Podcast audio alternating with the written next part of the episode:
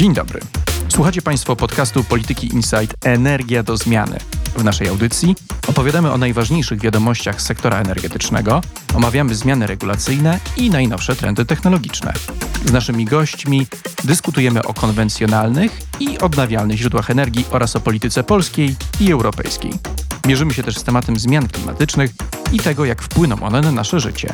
Nazywam się Robert Tomaszewski i zapraszam na dzisiejszą audycję. Jest wtorek 17 października. Dzisiaj poznaliśmy oficjalne wyniki wyborów do Sejmu i Senatu. Po przeliczeniu głosów ze 100% komisji wyborczych Prawo i Sprawiedliwość zdobyło 35,4% poparcia. Drugie miejsce zajęła Koalicja Obywatelska z poparciem na poziomie niespełna 31%, a kolejne miejsca Trzecia Droga, Nowa Lewica i Konfederacja. Takie wyniki oznaczają, że opozycja będzie miała bezpieczną większość w Sejmie i utworzy najprawdopodobniej nowy rząd. Dziś z Julią Cydejko i Dominikiem Brodackim zastanowimy się, jak te wyniki przełożą się na politykę energetyczną nowej ekipy. Zapraszam na podcast.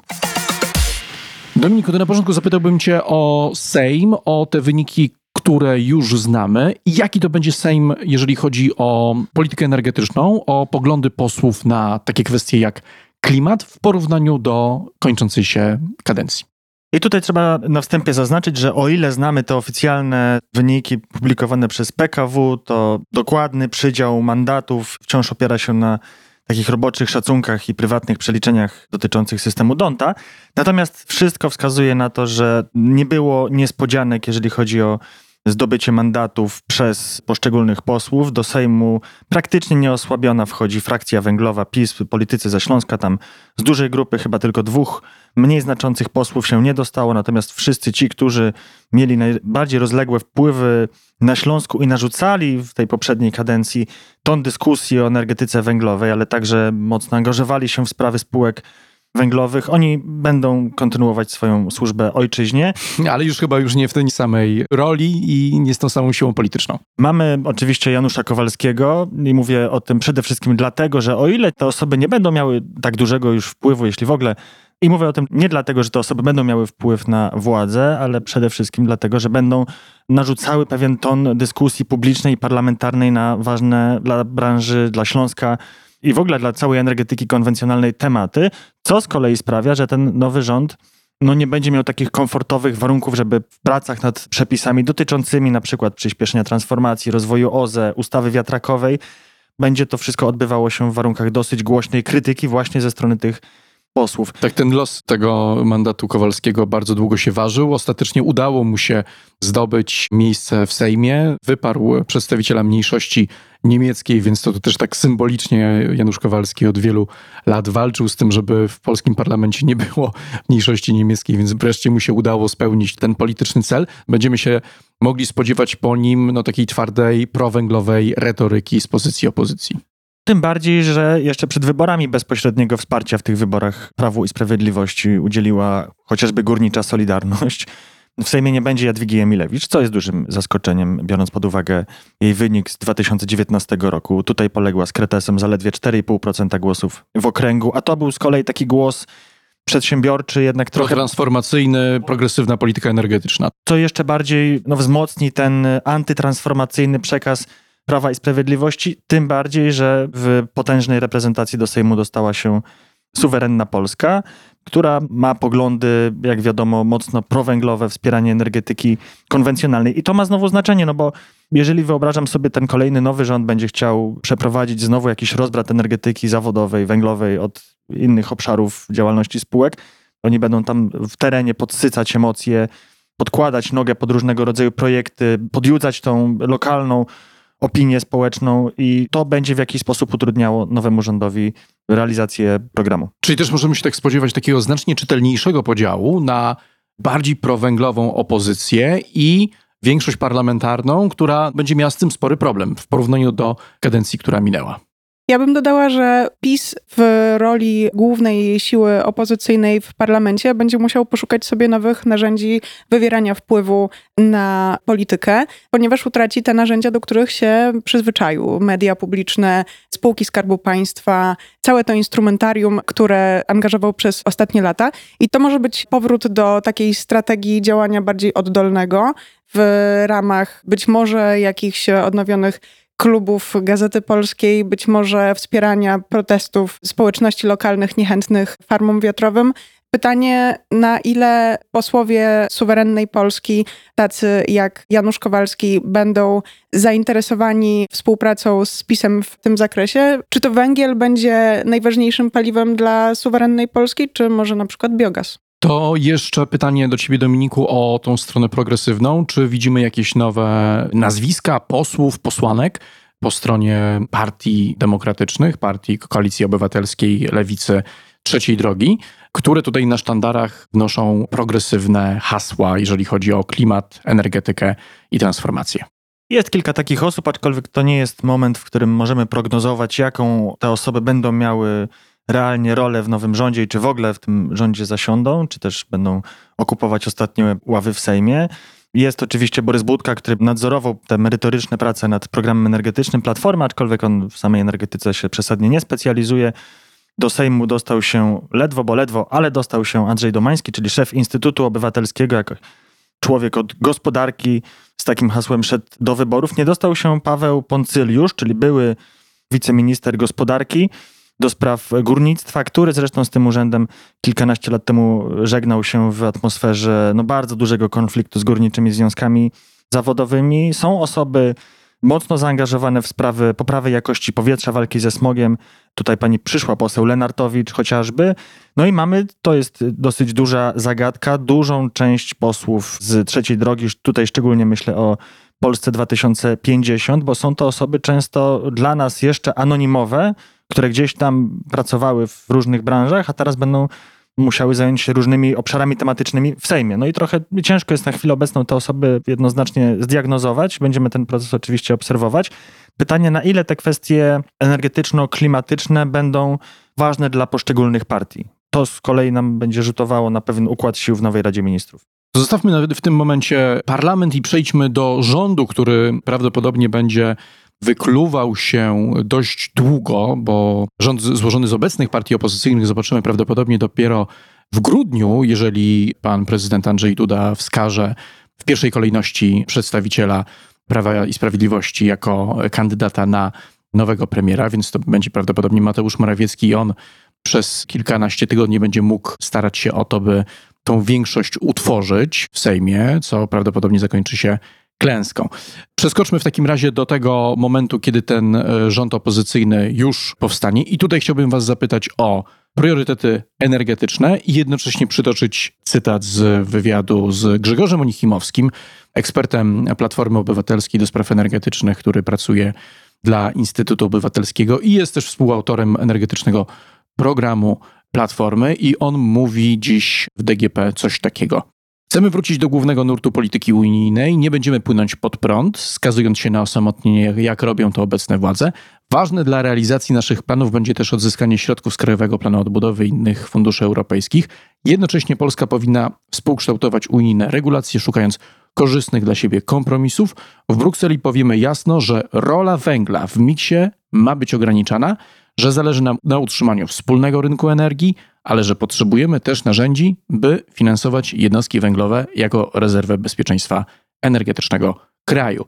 Tych cytatów jest oczywiście więcej, ciekawych, które tutaj wskazują pewne dylematy, jakie czeka największą partię opozycyjną właśnie z wychodzenia opozycji, przeistaczania się w partię władzy. No i tutaj chciałbym z wami porozmawiać o tych priorytetach, co nimi będzie w pierwszej kolejności, co zrobi Platforma, no i jaki kompromis uda się wykuć w tym koalicyjnym gabinecie z trzecią drogą i lewicą?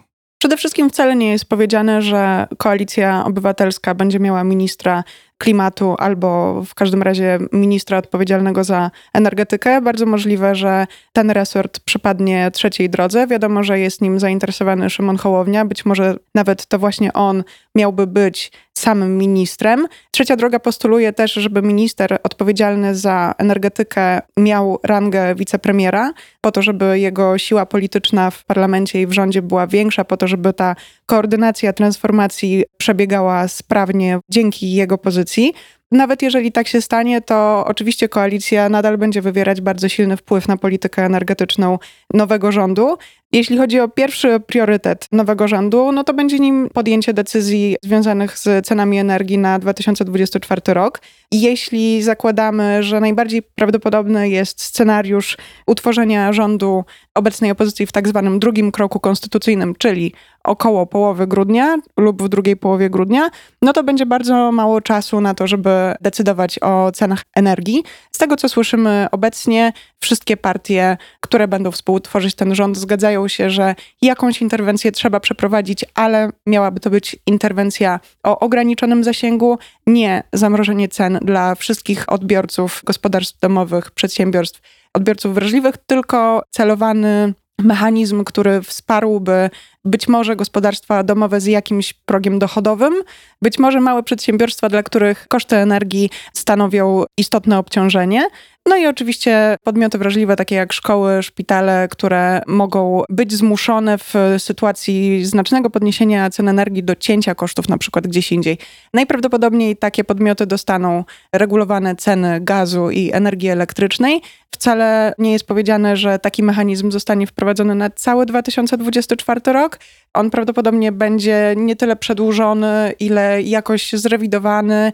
Jeśli chodzi o cenę gazu, to słyszymy na przykład, że w grę mogłoby wchodzić częstsze aktualizowanie taryf, tak żeby rekompensaty były jak najniższe, tak żeby to obciążenie dla budżetu było jak najniższe. Natomiast nie zaczęły się jeszcze tak naprawdę poważne rozmowy między tymi trzema ugrupowaniami, które utworzą rząd na temat szczegółów tej polityki energetycznej, więc to na razie są domysły albo jakaś wypadkowa głosów, które słyszymy ze wszystkich trzech stron. Na pewno te ceny energii będą taką pierwszym dużym wyzwaniem dla koalicji, które to wyzwanie może być jeszcze trudniejsze, jeżeli PiS będzie starał się utrzymać maksymalnie długo u władzy, bo rzeczywiście tego czasu, żeby wdrożyć te rozwiązania mrożące albo częściowo mrożące ceny energii elektrycznej dla gospodarstw domowych albo dla niektórych gospodarstw domowych, na to będzie rzeczywiście mało czasu. Ja bym się raczej tutaj spodziewał wypracowania jakiegoś porozumienia wcześniej, jeszcze przed grudniem, wśród partii obecnej opozycji i pójściem już z gotowym projektem w tej drugiej połowie grudnia. No i tu mamy jeszcze ceny gazu, które też znalazły się w tych stu konkretach Koalicji Obywatelskiej, że one też mają zostać zamrożone. I jak rozumiem, ma być to jednak nie kopia obecnego mechanizmu, tylko bardziej rynkowe podejście. Właśnie, można spojrzeć na ten okres bezkrólewia albo słabego takiego przejściowego rządu przed powołaniem docelowego rządu złożonego z partii obecnej opozycji z takiej trochę bardziej optymistycznej perspektywy. To znaczy, to są właśnie te miesiące, które partie e, obecnej opozycji mogą wykorzystać na dogadywanie się, dogrywanie szczegółów, ustalanie wspólnego kierunku, tak żeby potem, kiedy już dostaną tę władzę w ręce, stworzyć takie wrażenie sprawczości, którego wydaje się, że wyborcy oczekują.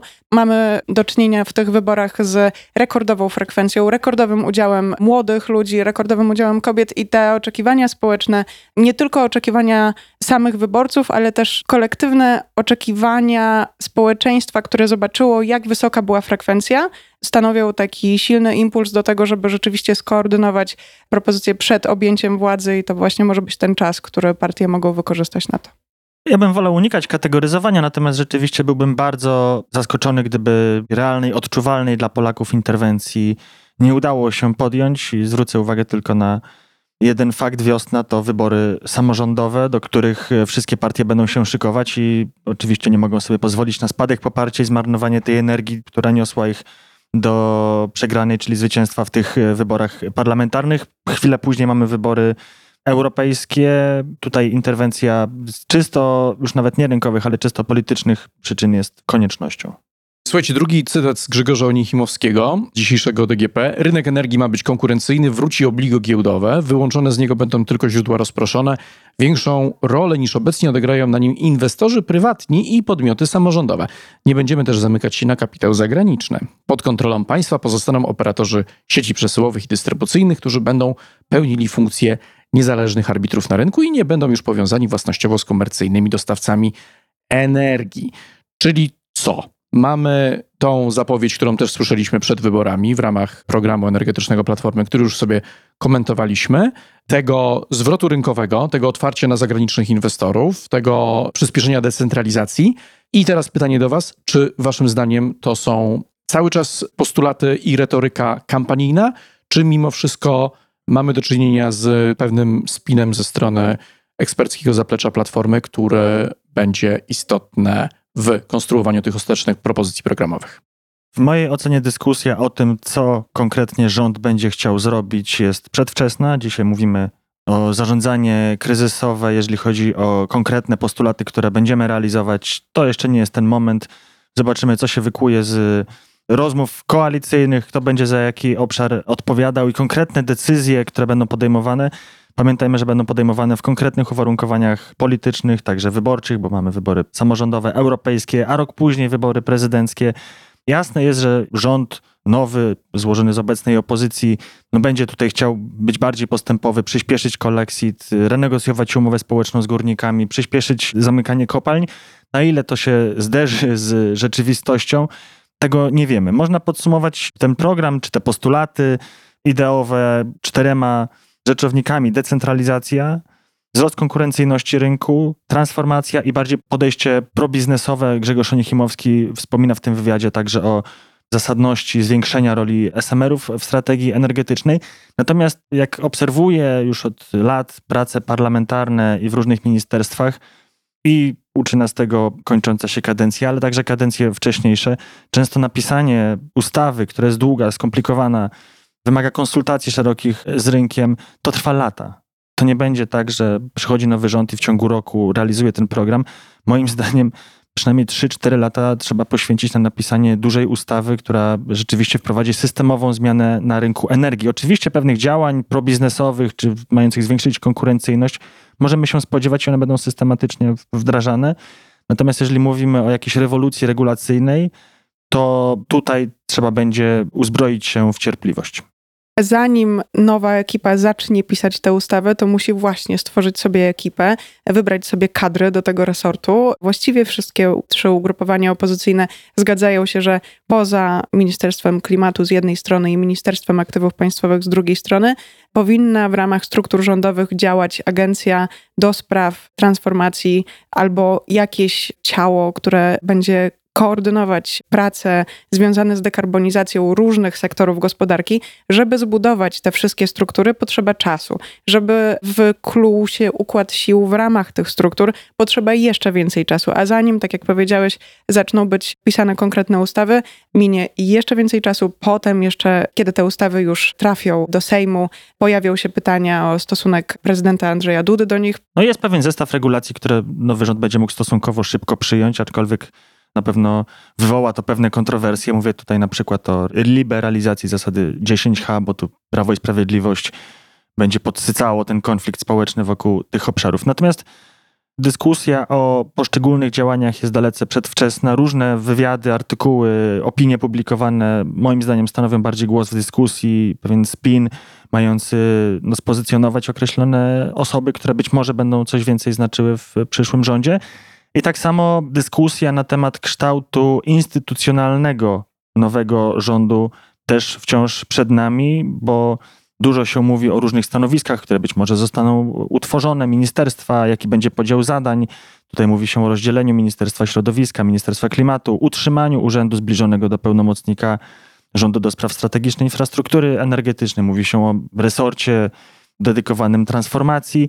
Natomiast doświadczenie poprzednich ekip uczy tego, że ta struktura wynika przede wszystkim z uwarunkowań politycznych, jakichś uzgodnień koalicyjnych, a niekoniecznie zasad jakiejś słuszności. Ta funkcja celu jest tutaj często bardzo mocno zatarta, a przeważa nad nią funkcja polityczna. Ciekawe też jest, na ile nowy rząd będzie w stanie dokonać jakiejś korekty kursu, jeśli chodzi o politykę unijną, no bo teraz, kiedy to nagrywamy w Luksemburgu, odbywa się Rada Unii do Spraw Energii. Tam ma wykluć się kompromis w sprawie reformy rynku energii, tak zwanego Electricity Market Design. Przy tym stole nie siedzi przedstawiciel koalicji obywatelskiej ani żadnej z obecnych partii opozycyjnych, tylko Prawa i Sprawiedliwości, obecnego Ministerstwa Klimatu. Głos Polski jest nadal w Brukseli głosem Prawa i Sprawiedliwości. Nic w tym zakresie się w najbliższym czasie nie zmieni. Tak samo z Krajowym Planem Odbudowy. Sama lista inwestycji czy lista reform, które znajdują się w Polskim Krajowym Planie Odbudowy, jeżeli zostanie zmieniona, to raczej kosmetycznie, bo żeby zdążyć z jakimikolwiek inwestycjami i reformami przy założeniu odblokowania środków dla Polski, no to trzeba się już bardzo spieszyć. Więc ten kierunek, który wyznaczyło Prawo i Sprawiedliwość i za który cały czas na dzień dzisiejszy odpowiada, w dużej mierze zostanie utrzymany na tyle długo, że ta decyzja podejmowana przez obecny rząd albo polityka prowadzona przez niego będzie oddziaływać na relacje Polski z Unią przez kolejne lata. I tutaj poruszyłeś bardzo ciekawy wątek, bo tutaj możemy oczywiście trochę buksować w tej naszej rozmowie o tym, co się temu rządowi koalicyjnemu może udać, co może zostać podjęte, jakie inicjatywy, jakie reformy, bo tak naprawdę nie wiedząc, na czym jeszcze stoimy, możemy tylko spekulować, ale to, co na poziomie strategicznym wydaje się nieuchronne, to na pewno odblokowanie tych dobrych relacji z Brukselą, bo to jest absolutnie podstawowy warunek do tego, żeby uruchomić środki z KPO i zmiana tego antyeuropejskiego podejścia, jakie PiS prezentowało w stosunkach do Unii, również na poziomie energetycznym. I tutaj mieliśmy do czynienia z całą serią działań, które miały uderzyć na przykład w pakiet Fit for 55. Rząd polski masowo zaskarżał jego poszczególne elementy do Unijnego Trybunału Sprawiedliwości.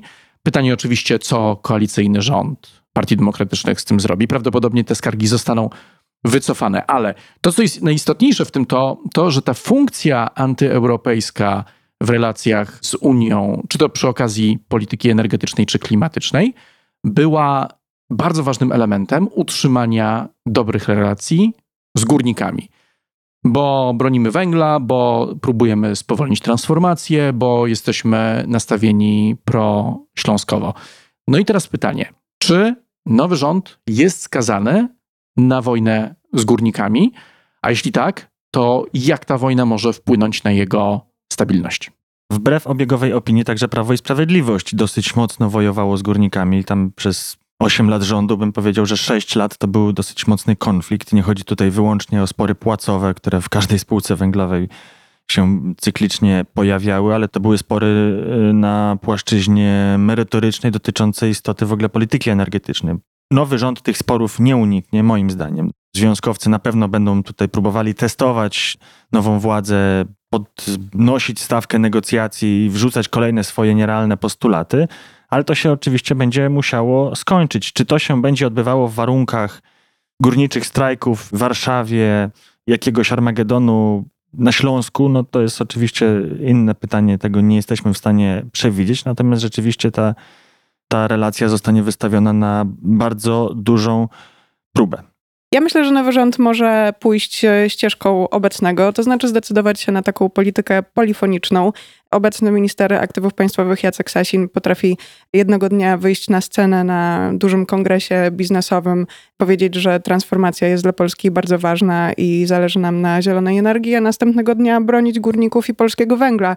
Nie stoi to w sprzeczności z tym, że od lat w ciągu rządów PiSu wydobycie węgla spada na łeb na szyję, zużycie węgla w polskich elektrowniach, zwłaszcza w tym roku, zdecydowanie spada w miarę jak kolejne, zwłaszcza duże źródła, ale też prosumenci odnawialnych źródeł energii są podłączani do sieci, więc ta transformacja przebiega jednym torem, a narracja rządu w związku z węglem czy w dialogu ze związkami zawodowymi przebiega po prostu oddzielnym torem. Bardzo możliwe, że nowy rząd będzie prowadził politykę tego typu. Zresztą to zostało już jakoś zasygnalizowane w kampanii, kiedy Borys Budka mówił, że wydobycie węgla będzie kontynuowane dopóki są złoża.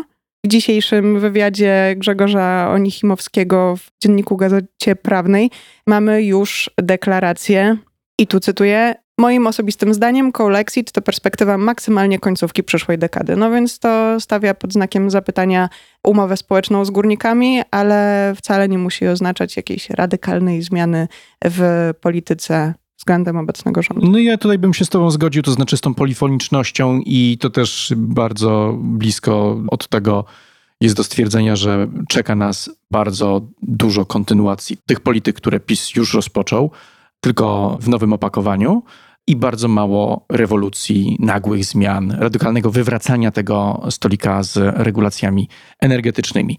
Kolejna rzecz, o którą chciałem Was zapytać, to wielkie projekty. Tu już trochę sobie o tym rozmawialiśmy w poprzednim podcaście dotyczącym polityki energetycznej Platformy, ale jesteśmy już w nowej rzeczywistości i rząd obecnej opozycji będzie musiał sobie odpowiedzieć na pytanie, jak tą politykę energetyczną kreować.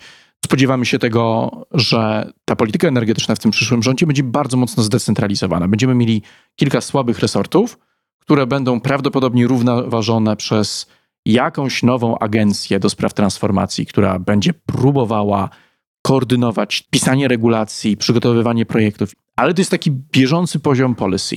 Ale co z wielkimi projektami, czyli energetyka jądrowa, czyli Narodowa Agencja Bezpieczeństwa Energetycznego, czyli budowa gazowego hubu w Polsce, co też było elementem polityki Prawa i Sprawiedliwości, czyli rozbudowywanie terminali LNG, połączeń gazowych. Co z tym zrobi nowy rząd?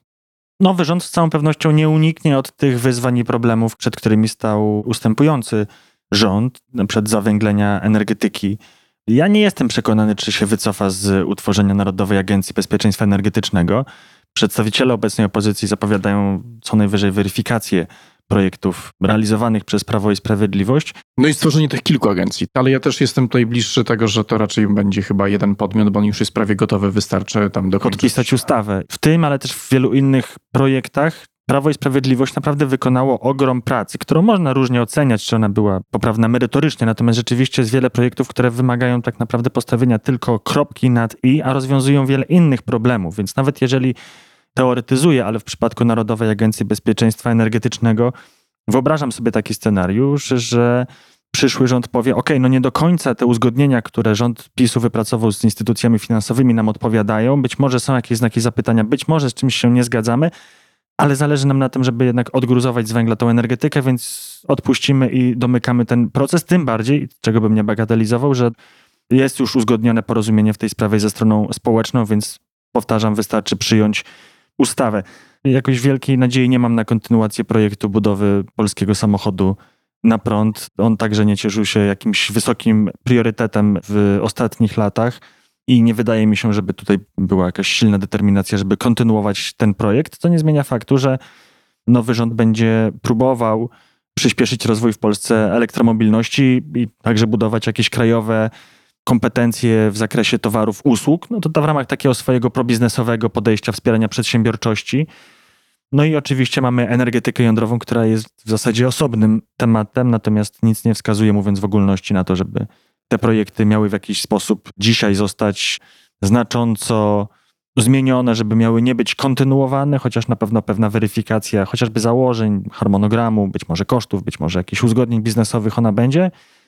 Mówiliśmy także trochę o rozwoju SMR-ów. Tutaj, jak myślę, jesteśmy zgodni co do tego, że działania państwowych spółek w tym zakresie kierunkowo będą kontynuowane, czy w takiej skali i założeniach to się zobaczy oczywiście, natomiast nie będzie wielkiego odwrotu od tej technologii. Czyli znowu kontynuacja zamiast rewolucji. Ale jest jeszcze jedno pytanie, które chciałem Wam zadać i które wydaje mi się bardzo istotne co zrobić z Orlenem. Orlen przez te 8 lat stał się największą spółką Skarbu Państwa, która tak naprawdę jest państwem w państwie, ma własne media, odpowiada praktycznie, że za każdy nośnik energii jest stabilizatorem bezpieczeństwa energetycznego, stwarza gigantyczne pokusy nadużyć, co ostatnio widzieliśmy przez kilka poprzednich tygodni w postaci zaniżonych cen benzyny i oleju napędowego, co też miało dać doładowanie wyborcze obozu rządowemu. Nie do końca to dobrze wyszło, bo paliwo zaczęło się kończyć na stacjach w całym kraju.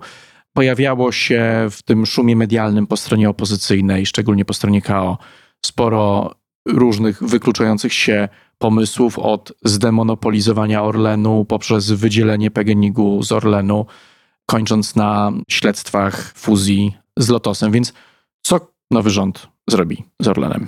Moim zdaniem nic nie zmieni poza prezesem, no bo dla mnie jest raczej oczywiste, że prędzej czy później Daniel Obajtek będzie musiał stracić to stanowisko. Orlen w ostatnich latach stał się imperium biznesowym, ale także politycznym. Jest to zbyt łakomy kąsek, żeby z niego kolejny rząd rezygnował. Stąd też przypuszczam, chociaż oczywiście żadnych informacji w tej sprawie jeszcze nie posiadamy, że nowym prezesem Orlenu prędzej zostanie ktoś z bardzo silną pozycją polityczną, a nie jakiś menadżer z rynku, który będzie świetnie się prezentował, ale nie będzie w stanie zapanować właśnie nad tak gigantyczną grupą. Ja jestem przekonana, że zarząd Orlenu i to cały zarząd i cała Rada Nadzorcza zostanie wymieniona w pierwszej kolejności. Ten proces czyszczenia spółek z nominatów Prawa i Sprawiedliwości zacznie się właśnie od Orlenu. Natomiast podobnie jak Dominik, uważam, że odwracanie fuzji Orlenu jest mało realne, nie tylko z przyczyn politycznych, ale też poniekąd ekonomicznych, ponieważ cały proces ich odwracania zająłby dobre parę lat. Orlen musiałby znowu w dużej mierze zająć się sobą, nie mógłby w takim zakresie jak być może byłby w stanie uczestniczyć w tej przyspieszonej dekarbonizacji gospodarki, więc myślę, że to po prostu nikomu się nie opłaca. Ciekawym pytaniem jest ta część gazowa biznesu, jakim jest Orlen, bo to pytanie wiąże się z przyszłością pływających terminali LNG, z przyszłością wydobycia w Norwegii. To są procesy, na których obecnemu zarządowi Orlenu bardzo zależy. Od tego, kto będzie zasiadał w zarządzie po przejęciu władzy przez obecną opozycję, pewnie będzie zależało, czy te projekty będą kontynuowane, być może bardziej niż od samych polityków. Na koniec chciałem Was zapytać o wymiar polityczny przyszłego roku, bo czekają nas wybory do samorządów i wybory europejskie. I tutaj w kontekście tych dwóch elekcji mamy dwie istotne rzeczy związane z polityką energetyczną. Pierwsza to jest postulat Koalicji Obywatelskiej dotyczący wydzielenia dystrybutorów z państwowych spółek zwiększenia tej kooperacji z samorządami, upodmiotowienia ich na rynku energii, co może bardzo zgrabnie wpisać się w kampanię wyborczą największej partii opozycyjnej do samorządów. Druga rzecz związana z wyborami europejskimi dotyczy naszej polityki energetycznej i naszego krajowego planu na rzecz energii i klimatu, czyli dokumentów strategicznych, które określają to, w jaki sposób będziemy się transformować. Polska nie złożyła z aktualizowanego KPEIK-u, czyli tego Krajowego Planu na Rzecz Energii i Klimatu. Nie udało się temu rządowi zaktualizować polityki energetycznej Polski, mimo że projekt został przygotowany. Przed wyborami europejskimi będzie to istotna kwestia, czy stawiamy na progresywne otwarcie z Brukselą, przyspieszamy transformację, czy jednak tego nie robimy albo robimy to w ograniczonym zasięgu. Czy widzicie, że tutaj te postulaty, które są obecne na poziomie retorycznym, czyli decentralizacja, upodmiotowienie samorządów plus zwiększenie progresywności polityki energetycznej i otwarcie na Brukselę w kontekście tych elekcji przyszłorocznych będą rzeczywiście takimi wehikułami politycznymi, czy jednak zupełnie inny będzie klucz w tworzeniu tych polityk energetycznych? On będzie znacznie bardziej krajowy, przaśny, dostosowany do gaszenia wewnętrznych kryzysów, a nie tworzenia większych narracji i używania też polityki energetycznej do zdobywania punktów w polityce zagranicznej. Stoję na tym drugim stanowisku. Myślę, że wynik niedzielnych wyborów wcale nie kończy w Polsce polaryzacji, nie kończy tego wewnętrznego konfliktu, który rodzi emocje, które napędzają scenę polityczną od lat i ta scena krajowa, zwłaszcza tempo i dynamika jej przebudowy będzie kluczowa w kolejnych kampaniach. Natomiast jeśli chodzi o strategię energetyczną i KPEIK, to myślę, że jeden z tematów podejmowanych w rozmowach nowego rządu z Brukselą w tych pierwszych miesiącach po przejęciu władzy, no bo jesteśmy po terminie złożenia takiego wstępnego planu aktualizacji, natomiast wielkimi krokami zbliża się ten termin ostateczny w połowie przyszłego roku. Bardzo możliwe, że Warszawa będzie dążyć do tego, żeby ten termin wydłużyć po to, żeby napisać własny plan, tym bardziej, że to Ministerstwo do Spraw Energii będzie prawdopodobnie podzielone między wszystkie trzy ugrupowania, które współtworzą rząd. Powtórzę, ja nie spodziewam się rewolucji, spodziewam się ewolucji, oby mądrej. Chociażby to, że utworzenie nowego ministerstwa będzie prawdopodobnie wiązało się z koniecznością zmiany ustawy o działach administracji rządowej, która z kolei będzie musiała zostać podpisana przez prezydenta, co nawet jeżeli prezydent będzie za tym jakoś zawsze wydłuża ten proces i wiąże się z koniecznością przeprowadzenia politycznych targów. Ja pamiętam początek poprzedniej kadencji, gdzie już samo utworzenie Ministerstwa Klimatu opóźniło się o kilka miesięcy tylko dlatego, że były problemy z procedowaniem nowelizacji ustawy o działach, więc to już jest bardzo skomplikowany proces.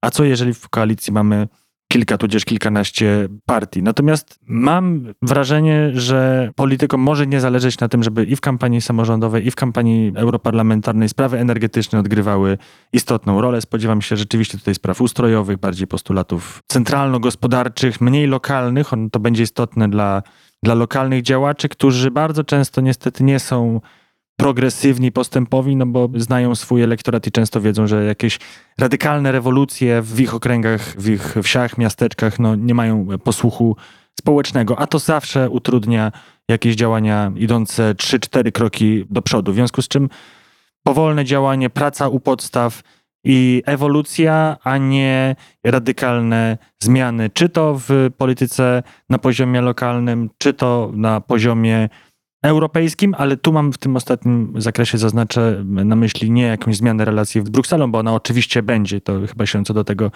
zgadzamy, natomiast nie spodziewam się jakiegoś drastycznego przekierowania tych wektorów polityki energetycznej w najbliższych miesiącach. No i tym realistycznym spojrzeniem Dominika kończymy dzisiejszy podcast. Zobaczymy w najbliższych tygodniach, jak ta sytuacja polityczna się rozwinie, kiedy nowy rząd opozycji powstanie i jakie będą jego energetyczne priorytety. No i oczywiście, kto obsadzi kluczowe resorty i kluczowe spółki. Dziękuję Wam za dzisiejszą rozmowę. Dziękuję. Dzięki. Na dziś to wszystko. Na kolejny odcinek Energii do Zmiany zapraszam w przyszłym tygodniu. A zanim się ponownie spotkamy, posłuchajcie naszych innych audycji. Znajdziecie je w najważniejszych serwisach, m.in. Spotify, Apple Podcasts, Google Podcasts i na SoundCloudzie. W pole wyszukiwania piszcie po prostu Polityka Insight. Do usłyszenia.